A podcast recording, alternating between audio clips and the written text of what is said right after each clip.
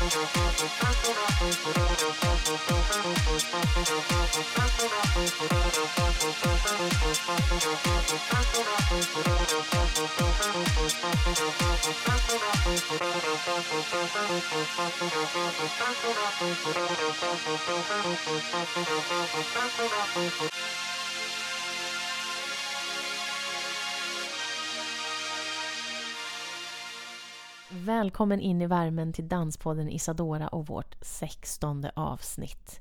Hej, det är jag, er ständiga följeslagare i den här världen, Anita MTN, som kommer att guida er även genom det här avsnittet.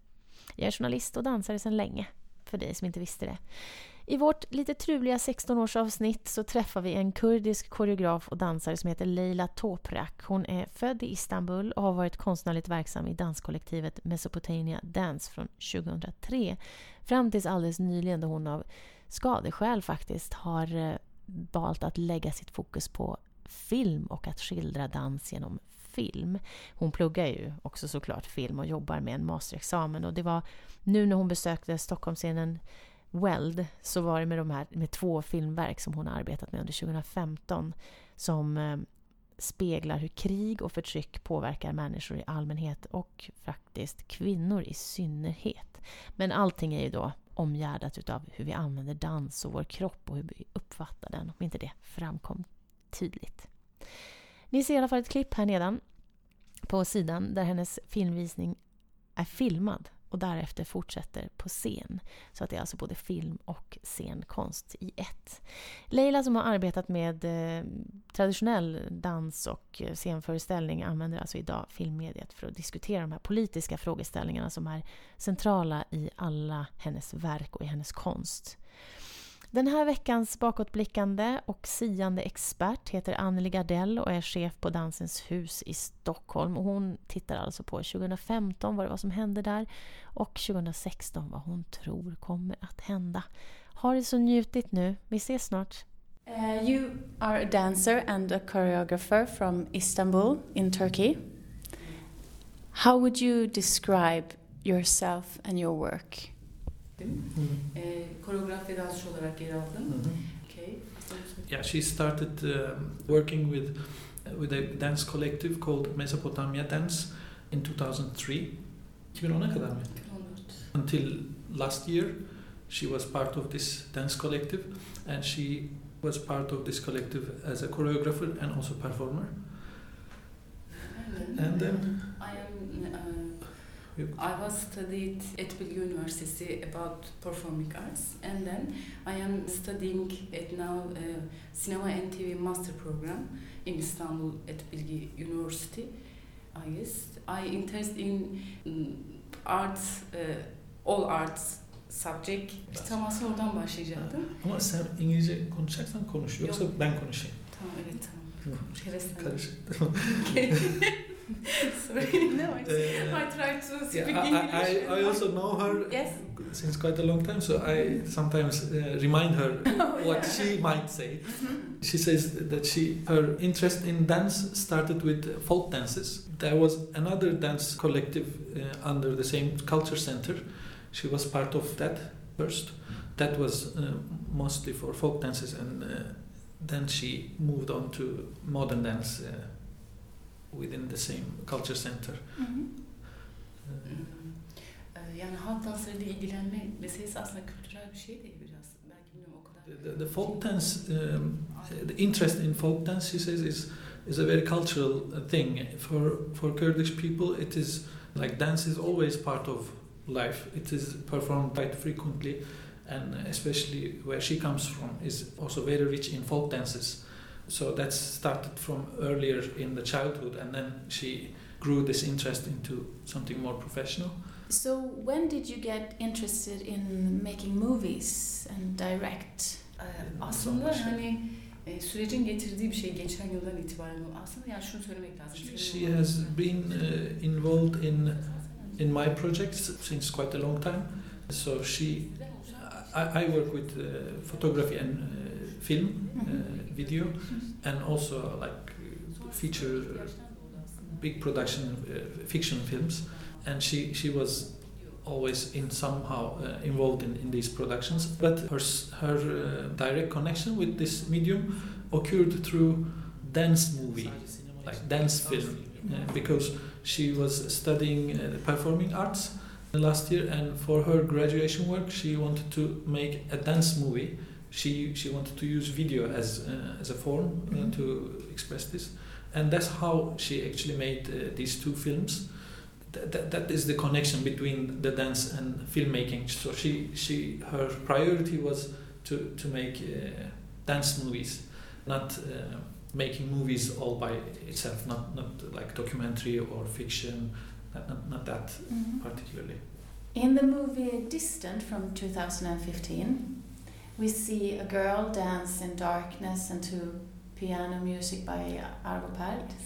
Yes, and she dances in houses that are torn apart, and you interview two women who are soldiers, Yeah. yeah, or warriors. Three women. Three women, Yeah. yeah.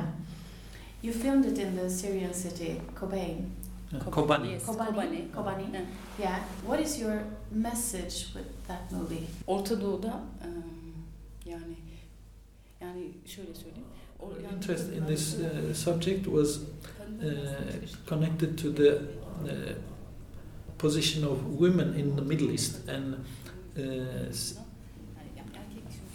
not only in Middle East but in the whole world since last 5000 years the um, male dominant society was trying to uh, hold women back and in, especially in the Middle East uh, last uh, 1500 years with the with the Islamist ideology this became even more uh, visible that the women were uh, taken out from the society from the visible parts of the society and they were placed indoors and behind the walls and uh, uh, this this became a very uh, direct oppression on women and uh, uh, she was interested in uh, how these women rebelled against this oppression and especially fighting against uh, the organization called uh, Islamic State. That is like the embodiment of Islam uh, and that's how they actually claim themselves. So uh, in this sense this is uh, this is not even a, a symbolic uh, rebellion. It's a very concrete and direct rebellion against the position of women in, in these mi- Middle Eastern societies. But uh, she also wants to say it's not only the feudal society and, and Islam that, that is placing women in a, difficult position, but also capitalist society, uh, capitalist culture is uh, how they use uh, women in a, in a different way. She wanted to understand um, the reasons of these women. Why do they choose to rebel against, to uprise uh, against these uh, conditions that they were in? And why, for example, me, I'm not doing this, but they do it? Or why, and how do they take these decisions? Why, which expectations do they have? What, what kind of hopes they had? And she was after these, uh, she was looking for these uh, threads of thoughts and hopes within these peop- uh, women. What carried them to, to this decision and what keeps them alive and what keeps them uh, resist and fight against this.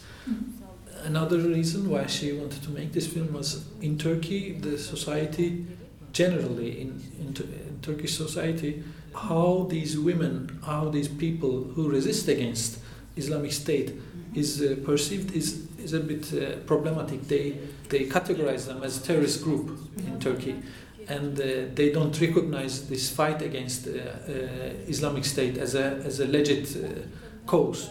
And she wanted to show people that actually these women are so brave that they are fighting against this organization. Even some countries, they are they don't dare to fight against them. But these women, they just go there with their bodies uh, without uh, too much uh, military technology. It's just more or less with bare hands and some uh, simple weapons only that they fight against this enemy, let's say, enemy of humanity. And uh, she wanted to break the, the surface or break the wall between, because when people talk about these women, they talk about something too distant, and even they, when they talk about it, it's in a military context. But uh, the actual, the reality is, of course, it is a war going on, but it's it's not uh, military reasons why these uh, women are there. It, it's for th- there are other reasons. There are other uh, existential reasons behind this, and they are not uh, there to to be part of a war game. Would you say that the women um, made a choice to be a part of this uh, war, or did they have to do it, and why do they do it now? En azından Kobani kısmına mecbur kaldılar ama aslında kadınlar Women in all ages uh, resisted against uh, uh, this male dominant society in, in their own times, in their own ways. And also for the Kurdish people, uh, this, is, this did not start with, with Kobani resistance. There has been women struggle within the Kurdish movement since quite a long time, over 30 years. But in, in Kobani example, we can see that this was an immediate need because the organization ISIS was aiming destruction of, of all uh, uh, humanity and also especially doing this over uh, women and uh, in that sense with with this uh, massive attack it became an existential problem to, to react against this so this caused this uh, the resistance became a widespread resistance among women so this uh, so that, this enhanced the struggle uh, with the final attacks of uh, Islamic State. But uh, this uh, this started earlier, but this became uh, widespread in the in the last. So it, it was very much of a choice with its continuity, Mm-hmm. but in the final stage, uh, it was not uh, a choice, but it was it, it, it was you had to do it. Yes. Yeah, Yeah. the, the, the dancer in the film Yes. actually there is there are two timelines in the film. One uh, during the daytime uh, Mhm. we have interviews with these women, and uh, in the night the camera uh, walks go, goes among the streets and the rubbles, and then we see this woman uh, appearing dancing inside the collapsed buildings and places, and she says, "What I wanted to tell in these night scenes is." Yes, during the day when everything is visible, we see these uh, women, but in the night when things are invisible, there are still uh, stories of these women hidden in every rubble because that's where things have happened. And under every uh, broken wall, th- there is uh, someone's story. Yeah, behind every door, there is uh, something hidden. So the camera is actually trying to visit these uh, invisible or lost stories, and uh, the dancer is somehow representing and also commemorating women who contributed to this resistance. But I, my reflection was that it's like she's dancing in the dark, and you see. Mm, yeah, the flashlight. Like you find her with a flashlight, Mhm. and then when it's gone, she's still dancing. Yes.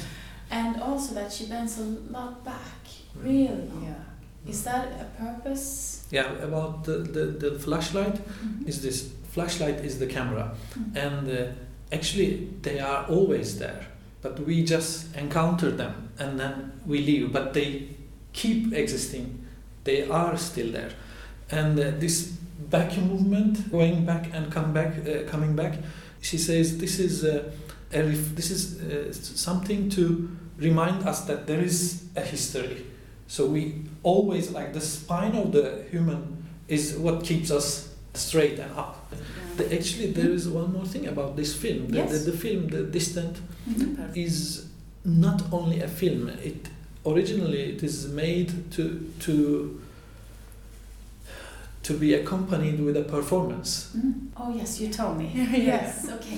Uh, so norm, th- there are two versions of this film. One is uh, just the film, and it ends with the with the ending that you saw. Yes. And the other version, actually, it ends with one of the night scenes, and then it uh, fades to black, and then on the stage where the film is actually projected, there appears the dancer, and then the same flashlight Dolaşıyor. appears and then walks like shows the light on the Mhm. audience and on the walls and then it comes back to the dancer. Yes. Yeah, and by transforming this 2D, two dimensional image into a three dimensional real space, Mhm. uh, you just uh, make the audience question what is far away and what is distant and what is near us.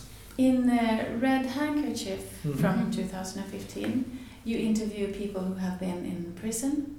They prison were prisoned when they were 20, maybe. They were very Mhm. young. Ee, Çok, çok gençken cezaevine yes, girmişler yes. değil mi? And they, they've been in prison for many years, and they all danced the folk Mhm. dance. Mhm. Ovend? Do you Go see ahead, that? Yes, go ahead. Kurdish.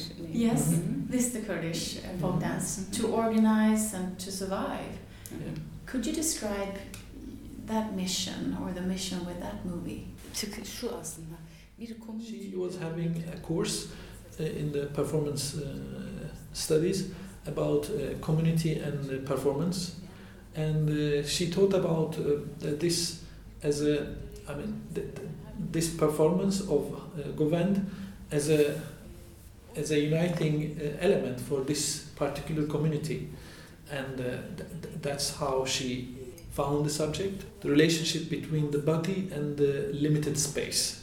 And how one can cope with this uh, limited space but with their own body.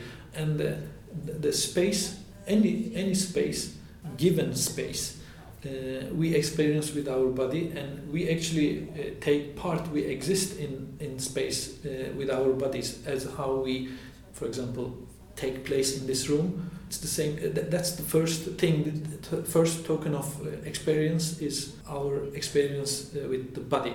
And then the mind is taken. So maybe uh, that's why uh, people resist with their bodies uh, to overcome this, not to surrender with their minds. And uh, she was interested in how how they used this govand, this uh, collective dance, as a way to resist against this li- limited space. Yeah, as soon as one starts moving, there are some physiologic uh, things happening in our body. Some hormones start to uh, go in circulation in our bodies, and uh, if we just start and if we stand up and start jumping here, at, after some time we will start laughing. Yes. So that is also a very something very real, very physical. Uh, so it is also through these very physical uh, aspects of dance. They they also use this to to overcome the limitations of the space. These people, uh, these uh, political prisoners, they have a life indoors, inside, but it's a very organized life. I mean, they, are not just uh, individuals; they are part of an organization, even within the prison. So they have a very organized, very hierarchical system that they live in as well. So within this organized life that they have inside, they have the right to go outside the routine that they have. And this dance also took such a role as well. That, that was their chance to break this routine and do something of their own. Still together, but something something unique as well, something different. Nasıl ama yani dans etmeye başladıklarında aslında her biri kendi mesela bu dans kültürel bir figür de olduğu için mesela çocukluğunda bir dans salonuna gidebilir, dağda gidebilir, bir düğünde gidebilir. Dolayısıyla kendi e, kişisel yolcu kişisel geçmişlerine de bir yolculuk barındırıyor.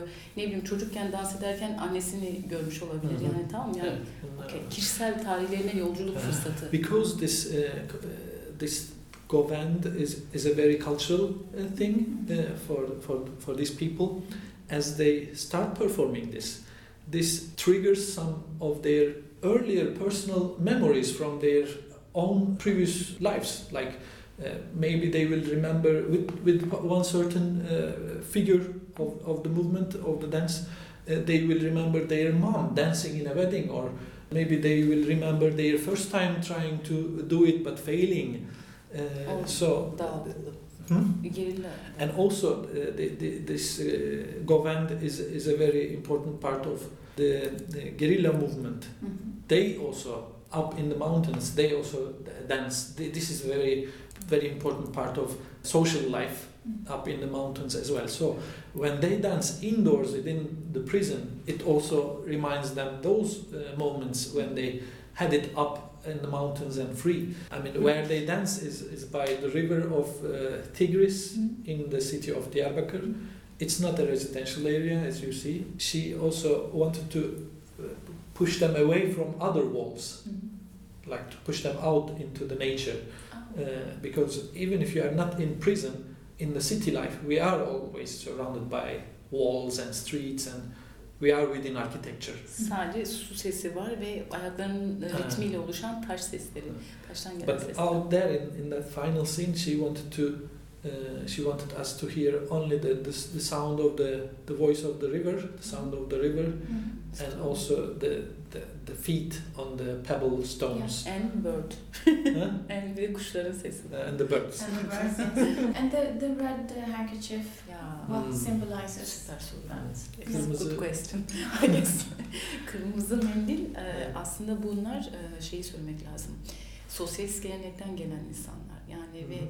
Devrim tarihi Red şöyle handkerchief is uh, like, as you know, red is the uh, the color that symbolizes socialist uh, movements in in uh, Soviet uh, and in China uh, experiences. It's always been uh, been the color of uh, socialism. So for these people, uh, they are part of such a movement, and they even one of them says. Uh, that our movement is a, is a movement of Govind or a, a movement of uh, Disalai. So so that that's the, the red handkerchief is the, the one uh, is used by the one who actually leads the halai. Mhm. Uh, so it is like a flag for them to. Mhm.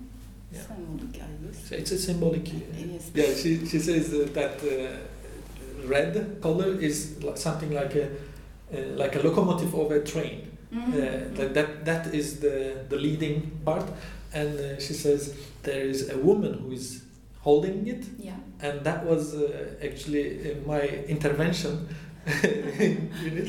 that uh, one of them, uh, Hassan, uh, said I, I I perform very good at the at the beginning Yeah. of Halai with the handkerchief, Yeah. but she said no no it should be a woman. For uh, Kurds, um, Mhm. the position of women in Kurdish movement is very important, and they, they are. Örnek oluyor diyebiliriz mesela Orta Doğu'da. Yeah, it, it- it's a very important uh, mm, milestone in the history of Middle East. Uh, how they set uh, uh, set a new limit for uh, women in society, and uh, yeah, they they give. Uh, Mhm. yeah, it's it's important for them. It's it's not only a cosmetic uh, thing. No. Like uh, they they are very serious about uh, women liberation. And now a, a general question about dance. What do you think that dance means uh, to people? Aslında dans bizim e, Movement precedes verbal oral language. We had body language before uh, humans communicated uh, verbally, before languages are formed. So what even even within the nature there is movement and each movement has something to say. Like when you see the branches of the tree move fast then you see that it's something going on. It's, it's going to be a storm or something. Or when there isn't uh, it means something else. Or when you see the waves in the sea means something. Or when there isn't it means something else.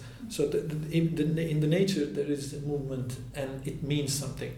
So even for us for humanity even if we have the verbal language we still need the body movements to enhance it that's why we use our hands and our body uh, when we speak so that, that's that's that's in the package that, that comes with it Ve- Bir de şey, yani doğanın kendisinde hareket var. Onu İnsan da söyledim. doğanın bir parçası, söyle bakayım Hı. tamam. Bir parçası olarak hareket aslında insanın. Ah, tamam. Yeah, a- a- as there is movement in the nature and we are part of the nature so it is natural for us to to move and to to express ourselves with the movement. We were part of the nature and we uh, we are not anymore because uh, with the uh, with the mind with the logic we uh, placed ourselves away from the nature and we try to describe nature something away from us. She sees that uh, she says that uh, this is the very reason why we have all these uh, global crises about uh, humanity and uh, environmental crisis All the reason is that human disconnected itself from the rest of the nature and uh, got the illusion that we can control, we can uh, manipulate the rest, and then we, we the rest also includes other people. Mm. So that's that's uh, Yeah. why we have. Uh, th- th- that's where the problem started. Dance is uh, for us, for me, uh, is movement, and the movement is in the nature, and as we are part of nature, that's why we Hı hı. should move. Or we, İ- İçsel movement and dışsal movement. Yani şey e, mesela sadece dururum ama içe, içeride de hareket Hmm. edebilirim. it doesn't have to be movement uh, as a bodily movement. It can also be internal movement. I can just stand, but I can move uh, within my body, within Yes. my. Uh, uh, I mean, it, that, that is Hislerimle de uh, hareket like a, edebilirim. uh, his, like, like a emotional, no, not like inner movement. Oh, let's say. Yeah. Gibi. Mhm. As the nature uh, keeps existing, there will be dance. Mhm. Yeah. As we get closer to ourselves, we will also get closer to dance. Mhm. What do you want the audience to to feel? Aslında öyle bir hakkım yok ya. Yani I, I, I, I, I am not in a position to say anything about this. I'm not entitled to say anything about this. Yani Be- bir, ne isterlerse belki şunu söylemek lazım. Bir performans sanatçısı olarak aslında ben I bakarak cannot determine this uh, or I, I cannot have a claim on, on that side of the work because to me they are not audience but participants. Yeah, she says audience is, is, a, is more a passive uh, position uh, where participant is uh, a little bit more active. So that's how I wish we will create a mutual experience together and whatever it is there we will see. Yeah. do you do you dance uh, still? I mean, do you Hala perform? Performans yapıyor yes, musun? e, bir, bir yıldır ara verdim yani. Uh, Bir since yıldır. last Bir year, uh. She had a uh, operation, that's why she uh, gave a break, but uh, she performs. Hızla geri döneceğim. She wants to Çok uh, özledim. come back uh, as soon as possible. Okay. She, miss, she misses it. Okay. Much. yeah. Thank you so much for your time. Me Thank you too. very much. Thank you. Thank you. Thank you.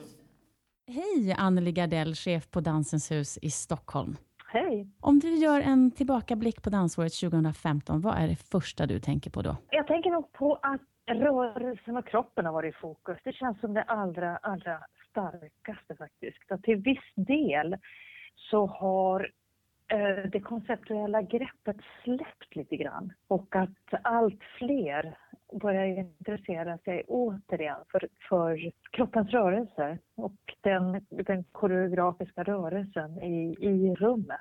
Jag tänker hos oss, till exempel bara det att Deborah Hay kom till Cullbergbaletten och gjorde en fantastisk eh, koreografi med många dansare på scenen. Att, ehm, man också tittar på de andra scenerna där MDT också har intresserat sig för, det, för, för rörelser i olika symposium. Och Feld eh, arbetar väldigt starkt med det också. Många koreografer som liksom vänder sig återigen till en starkare början i kroppen. Det är väl en utav dem. Och rent organisatoriskt också kan jag tycka det i och med att, eh, att Kenneth Garnström är på, den, på Kulturhuset Stadsteatern, att vi liksom kompletterar varandra väldigt bra med att möta upp publiken med med dansens rör, med rörelsen i fokus. Men jag tror att det går i ett, alltså, det går väldigt fram och tillbaka tror jag. Att det, det, det, är, det är en process. Det går i generationer tror jag lite grann, alltså hur olika generationer tar sig an konstformen. Så att det är inte så att det är någonting som kommer att stanna utan just nu så, så är det tillbaka till att den unga generationen är nyfiken på rörelsen och även då tror jag att som jag upplevde det, att jag förstod att Kull, Kullbergs dansare, alltså en ung generation, var väldigt tacksamma, glada och nyfikna på, en, att på en koreograf som är, har passerat 70 liksom, och verkligen har kroppens uttryck i fokus. Så att jag tror att det bara är så. Men sen tror jag också att man att blandformerna, alltså det går ju mer och mer mot att det inte finns några gränser egentligen. Tänker, vi har ju haft ganska mycket nycirkus hos oss den senaste tiden och att man där inom nycirkusen också har eh, ställer högre krav på sig själv eh, att ge en koreografisk och en dramaturgisk form. Alltså man, man är ganska långt bort ifrån de här tablåerna med enstaka eh, nummer som visar upp hur ekvilibristiska man är. Alltså utan att det, man använder sig verkligen av koreografi och det, Finns det någon anledning till att vi ser mer cirkus på scenerna, eller ny cirkus? En, en av anledningarna är just det att, att det är så pass många, många element utav dans, om man nu ska särskilja dem åt överhuvudtaget. Men, men det, vi, vi kommer till exempel att ha en föreställning här i vår utav en fransman som heter Jean Bourgeois. Han är nycirkusartist, alltså han är akrobat själv i grunden, men han har precis blivit chef för ett koreografiskt center i, i Frankrike, i Grenoble. Så att han, så vi var bara där där har ju de ju tagit ett beslut att, att släppa in en, en eh, ny person på dansens område så att säga som chef och uttryck.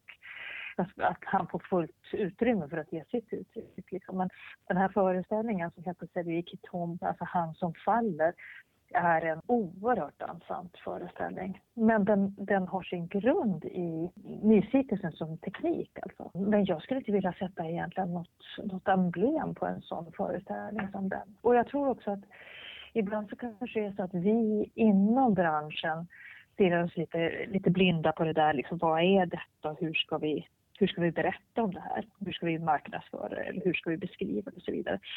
Alltså publik bryr sig inte så mycket. Varför ska de göra det egentligen? Ha, ser de en föreställning, kommer de till en föreställning som, som infriar eh, deras förväntan på föreställningen, alltså bara att man är nyfiken på vad det kan vara och bara öppen för det och så vidare, så, så bryr man sig inte så mycket om vad, vad, vad den hade för stämpel på sig egentligen, tror jag. Jag tänker också på att vi hade, vi hade ju en grekisk koreograf här hos oss i höstas, Dimitris Papaniao, som är en väldigt känd koreograf i Grekland men totalt okänd hos oss. Jag hoppas nu att han inte är det längre för vi hade ju två utsålda hus. Och det var definitivt också en, en blandform om man ska säga så, alltså en performance. Och där publiken ju egentligen inte visste speciellt mycket vad de kunde förvänta sig men det var fantastiskt att de hörsammade att de kom och att de stod upp och jublade efteråt. Och jag tror inte att någon av dem hade någon större längtan efter att berätta vad det var exakt de hade sett alltså i, i fråga om ge en karaktär åt det, utan de var, de var bara lyckliga över upplevelsen i sig. Och det mm. verkar som att det har påverkat många, alltså allt ifrån recensenter till publik. Men hur skulle du mm. beskriva Dansens hus-publik? Den är väldigt varierad. Jag längtar verkligen efter att få göra någon, någon uh, lite djupare publikundersökning som vi inte riktigt har haft tid att göra ännu. Men om jag bara tittar med blotta ögat så ser man ju att den är väldigt, väldigt, väldigt varierad. Både i ålder och, och man kan det, det, är klart att ibland så kan man se att andra till exempel, eller streetdansen har ju en given publik som, där det kanske är en, en stor del som egentligen inte söker sig till våra övriga gästspel eller utländska gästspel och så. Det är klart att om vi har någonting som, den publiken som älskar cirkus i kör, om de, de känner igen någonting som drar åt nycirkushållet så kan man liksom återfinna dem då igen när vi har det. Men annars måste jag säga att det är väldigt, väldigt blandat. Väldigt mycket ung publik men också väldigt blandat i kön. Alltså det är, skulle jag vilja säga, nästan lika stor andel eh, kvinnor som män som kommer. Så det, det är fantastiskt roligt faktiskt. Och, och en väldigt öppen publik för att som sagt var man måste ju förlita sig lite grann på oss som institution bara för, för att det, vi visar så pass mycket nytt som ingen har haft en möjlighet att se innan. Det är lite grann att köpa grisen i säcken. Men jag upplever att publiken har en stor liksom, förtröstan till Dansens hus nu efter 24 år. Vad var mest minnesvärt med 2015 då? Det var ja, minnesvärt är på olika sätt kanske. Det är klart att återigen det här med Dimitris, att, att, att ta ett fullständigt okänt koreografnamn är ju, är ju alltid en, en risk. Och det är klart att det var för mig fantastiskt att stå där och känna att det fungerar, att det, man kan göra den typen av val och, och få liksom den kommunikationen med publiken. Men sen är för mig också när jag tittar tillbaka så vi hela tiden har en ökade publiksiffror. Det känns ju också fullständigt fantastiskt. För jag tror ju verkligen på den här konstformen för alla. Det är bara det att alla inte vet att de är inviterade till den nu så att säga. Jag tror att barriärerna bryts ner sakta men säkert i fråga om det som man pratar väldigt mycket om, om för, för, bara några år sedan egentligen. Att, man, att det var så många som kände, ja men jag förstår inte vad det handlar om eller det är ju ingen berättelse eller, eller de här de här påståendena så att säga. Jag tycker att det bryts ner. Jag måste säga att det finns många olika orsaker till det. Jag tror till exempel att SVT med deras danslördagar har bidragit till det. Alltså om att man har öppnat upp för en, för en större publik genom att avmystifiera konstarten för den breda publiken. Alla de här dansfilmerna, jag tänker nu senast här på Marta och Nicky till exempel, dokumentärfilmen om om de två streetdansarna, dansfilmsfestivaler alltså i, och också allt som finns på nätet förstås. Inte bara, alltså inte bara att det, det alltid har varit väldigt mycket dans förstås i musikvideos och så, utan men nu är det ju många som gör alltså konstnärliga dansfilmer med olika, på olika nivåer, alltså med olika kvalitet och med olika hjälpmedel så att säga. Men det sprids verkligen på ett fantastiskt sätt och jag tror att det öppnar väldigt många dörrar. Och, och framförallt att vi själva inom branschen också har slutat att prata om det som en, som en, eh, en konstart som är, som är svår eller krångligare eller, eller att vi inte når publik så att säga. Men, men för det har under när jag började jobba med dans så var, var diskussionerna väldigt mycket så hur ska vi få folk att, att förstå. Men det tycker inte jag är en issue längre. Det är borta. Det, och det är ju naturligtvis jätteskönt. Det låter ju väldigt bra. Hur har ni jobbat på Dansens hus för att öppna upp? Ja, jag, alltså jag, tycker, jag tycker att det är viktigt med, med introduktioner och med eftersnack och eh, invit, att invitera publiken till det och så, men också att man, man på olika sätt och vis verkligen söker upp olika publikgrupper och, och att man i marknadsföringssyfte så att säga också inte identifierar vilka man tror kommer att vilja se den här föreställningen och sen hoppas på att det ger liksom vågor.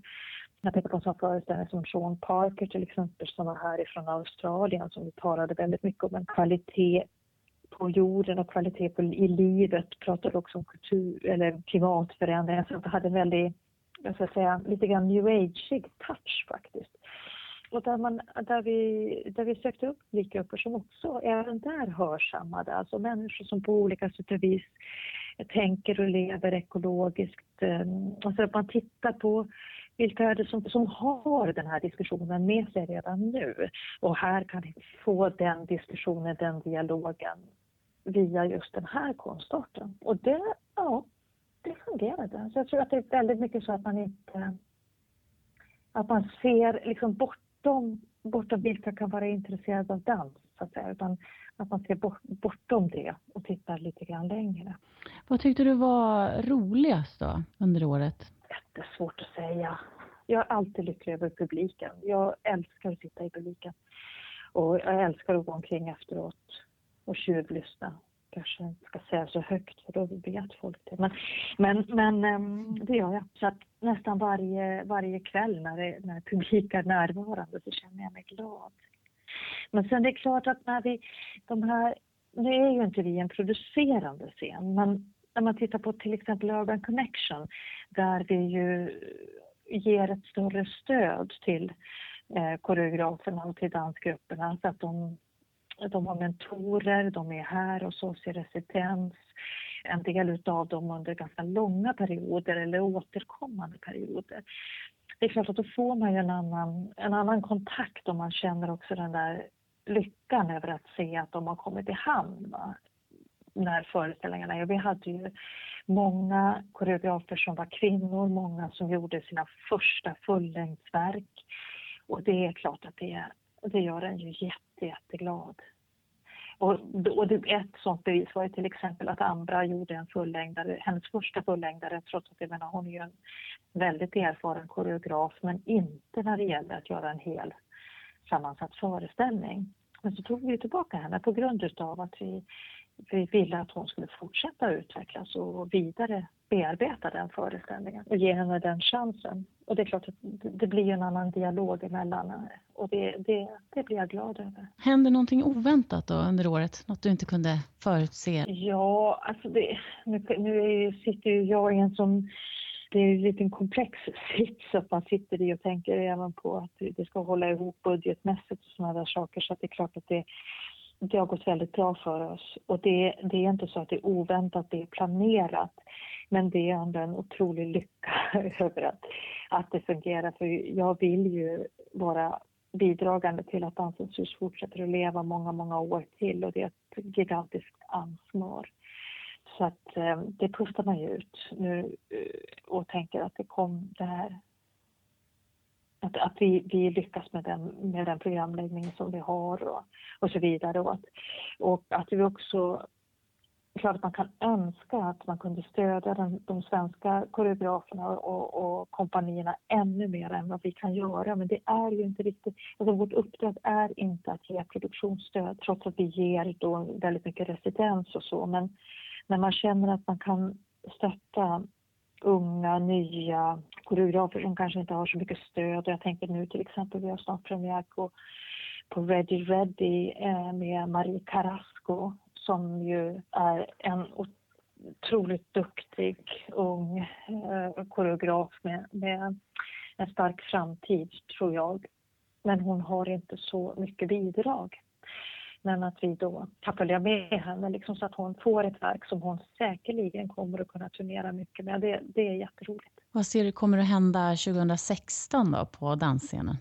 Både nationellt som internationellt. Vi pratar ju, det har ju också är en rörelse som har varit eh, på vissa håll i världen som till exempel Storbritannien under en väldigt lång tid egentligen men som i Sverige inte har så många år på nacken och det är ju att på allvar tala om och visa funktionsvariationer på scen, alltså normkritik på scenen. Och där tror jag att det är, det är verkligen dags att ta nästa kliv också när, när man, hur man diskuterar och hur man presenterar olika koreografiska eh, uppsättningar med funktionsvariationer på scenen. Alltså att till slut ska vi inte behöva nämna de orden längre utan det är föreställningar, punkt slut, som kan ha tematik eller, eller eh, introduceras på något annat sätt än att berätta att, att den och den dansare, dansaren är rullstolsburen eller den har kryckor eller, någon, eller någonting annat. Så, utan, så det tror jag är, ligger starkt i, i, i en anda av att åtminstone vilja ta det klivet. Vi har ju liksom drunknat ibland i olika termer istället för att bara stolt presentera en bra föreställning av god kvalitet. Rent personligt så har min mamma precis sagt att hon gärna är med i Peeping Tom som eh, i sin föreställning Fader, far alltså, ska ha tio amatörer som måste vara över 70 och min mamma är 84 och sa att ja, det vore kul.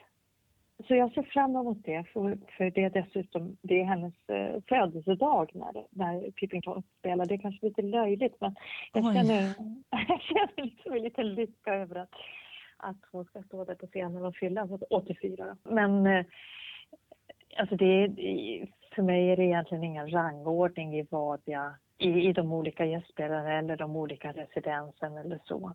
Jag ser fram emot att under, vi förändrar lite grann också i vilka som sitter på vilka positioner hos oss på Dansens hus. Och det är, vi har en ganska ung kader som föder barn och, och, och gör andra saker så att vi har hela tiden en ruljans på personalen kan man säga. Så vi ska väl ta tag i Urban Connection och, och vidareutveckla den under, och börja och fundera på det under vårens lopp och det ser jag också fram emot för det känns lite grann som att Urban Connection får aldrig fastna i en form. Det, det måste hela tiden snabbt vidareutvecklas och haka på vad, vad de unga streetdansarna egentligen vill. Det är inte vi som ska diktera utan det är, det är de själva och deras process som måste ligga liksom i framkant. Så det känns spännande att se vad, vad det blir utav det. Och vad kan publiken förvänta sig då som kommer till er under våren nu? De kan förvänta sig, det är, det är ett väldigt varierat program skulle jag vilja säga. Det är några som, som återkommare förstås. Det har, har, har vi väl alltid haft här på Dansens hus, att man knyter tillbaka till några stycken. Och, och um, en återkommare är ju Ann-Teresa Keshmak, alltså Rosas, fast just här då så dansar hon själv på scenen tillsammans med Boris Charnat. Och det är en riktigt finsmakad föreställning med levande musik på scenen. Men sen nämnde jag ju tidigare också ny, nycirkusartisten, koreografen Jean Bourgeois som jag själv är väldigt, en, en, en föreställning att bli totalt förälskad i alltså. Pippin Tom förstås. Jag tycker det är jätteroligt att väl Company och Rebecca Stillman kommer upp på stora scenen för det, det är ju en utmaning. Har ju precis valsat runt lite grann här nu på i sociala medier hur Akram Khan har uttalat sig om att det inte är någon skillnad mellan vad kvinnliga koreografer får för plats respektive vad manliga koreografer får för plats. Jag tycker att han har fel. Det är visst det är skillnad. Det är skillnad i vilka bidrag de tar emot och det är skillnad i vilken plats de, de får. Så det är också ett uppdrag för oss, tycker jag, att knuffa kvinnliga koreografer till större format till att ta, ta mer plats helt enkelt. Vad som är väldigt starkt är ju att, att så många dansare är så multikompetenta, både unga som gamla. Eh, jag tänker på Eva Lilja till exempel som ju gjorde sin första koreografi i sitt egna solo här hos oss där hon själv skapade ett helt rum, alltså ett scenografiskt rum, där hon själv målade, där hon är väldigt aktiv också när det gäller skapandet av musiken. Mm, jag tänker på Nicke till exempel i filmen här nu. Hon, Nicke kommer tillbaka, filmen matar Nicke och Nicke kommer tillbaka till oss under Urban Connection. Fast då mycket mer som poet. Poet, rappare, musiker.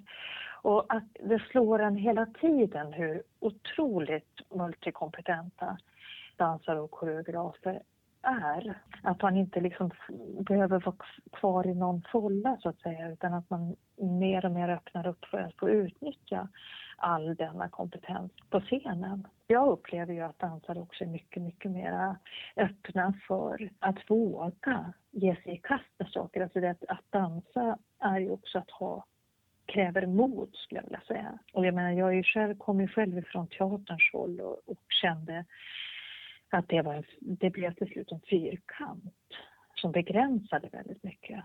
Och jag tycker att teatern har det problemet.